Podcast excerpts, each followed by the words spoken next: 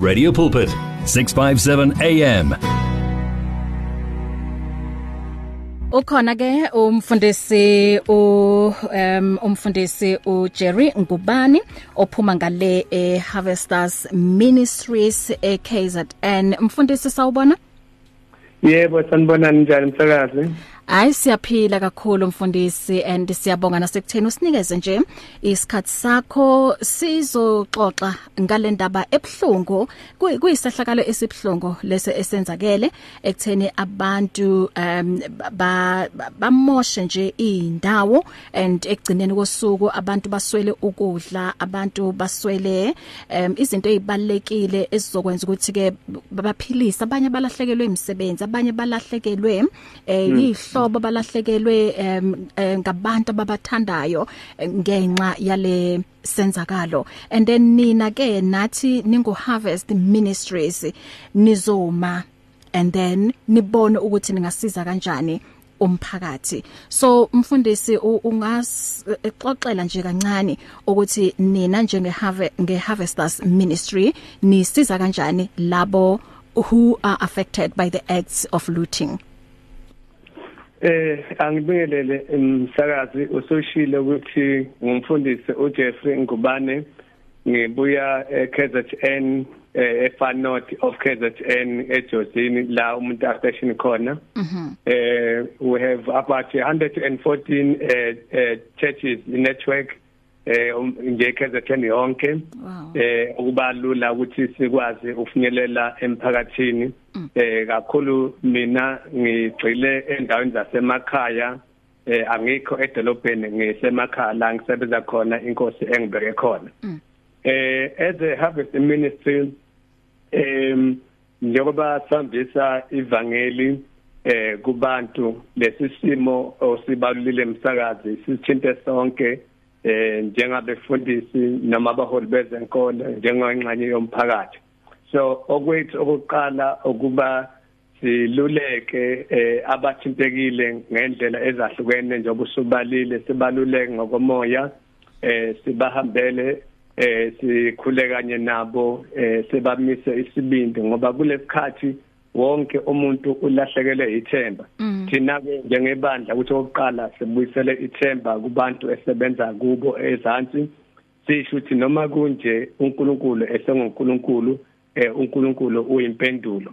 Ngoba ubalekile ukuthi abantu bavuseleleke kwezikamoya ukuze bakwazi ukucabanga ngendlela eyakhayo ngoba uma umuntu ephukile emoyeni ucishe athathe inqumo ezingeke zisize umuntu so thina ke njengethu the harvest i mean njenge harvest ministry eh kule ndawo sikakhulu sigcile ukuthi abantu sibaluleke eh kwezomphefumulo sibalaphe kwezomphefumulo kuze bakwazi ukubhekana nesimo esiqinise senzekile endaweni yakithi noma iSouth Africa yonke Hmm.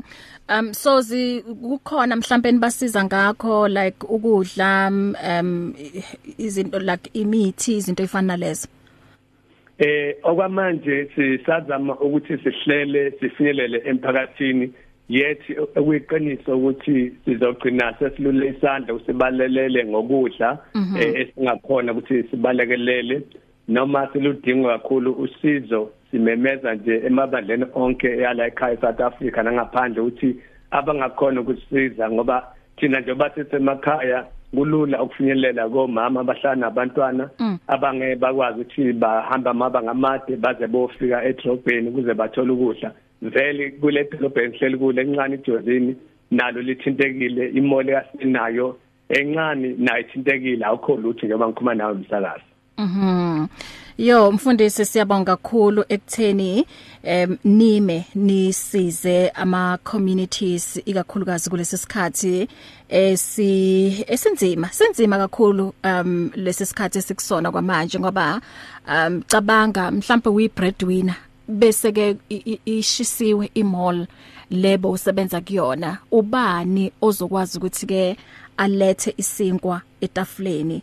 Yazi um njoba bowukhuluma kanje and uma sifunda izwi likaNkuluNkulu liyasho ukuthi do not forget to do good and to share with others for with such sacrifices God is pleased. So mfundisi ngempela lokho enikwenzayo kumsebenzi omuhle ngoba njoba usho ukuthi nina nisiza kakhulu ekutheni abantu bakwazi ukuthi um libuye lela themba ukuthi nanoma kunje kodwa impilo yona iyaqhubeka. And nokubagqugquzela ukuthi asibekeni nje ithemba lethu kuJehova sihleze sibhekise amehlo ethu kuJehova. Qhubekani mfundisi niwenze lo msebenzi omuhle. God bless you.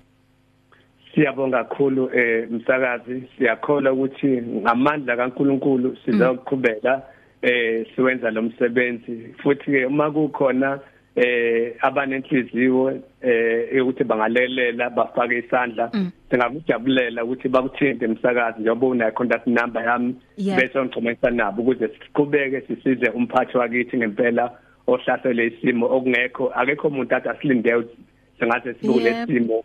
Ezweni lakithi mhm Oh. Siyabonga kakhulu umsakazi. Kubonga thina um mfundisi wami niqhubeke nje niphephe and nisemkhulekweni wethu ngazo zonke izikhathi. Siyabonga God bless you. Bless you. If you need prayer, please send your request to prayer@radiopulpit.co.za or WhatsApp 067 429 7564 or go to Radio Pulpit website on www.radiopulpit.co.za. It's good for you as our listener to know about Radio Pulpit's activities. Or do you need advice in an area of your life? Then why don't you log on to www.radiopulpit.co.za. Here you can talk to us, listen to us via live audio streaming, and there is also other reading material for the soul.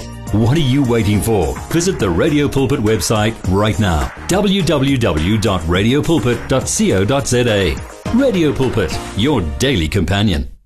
You and 657 AM and life, a winning team on the road to eternity.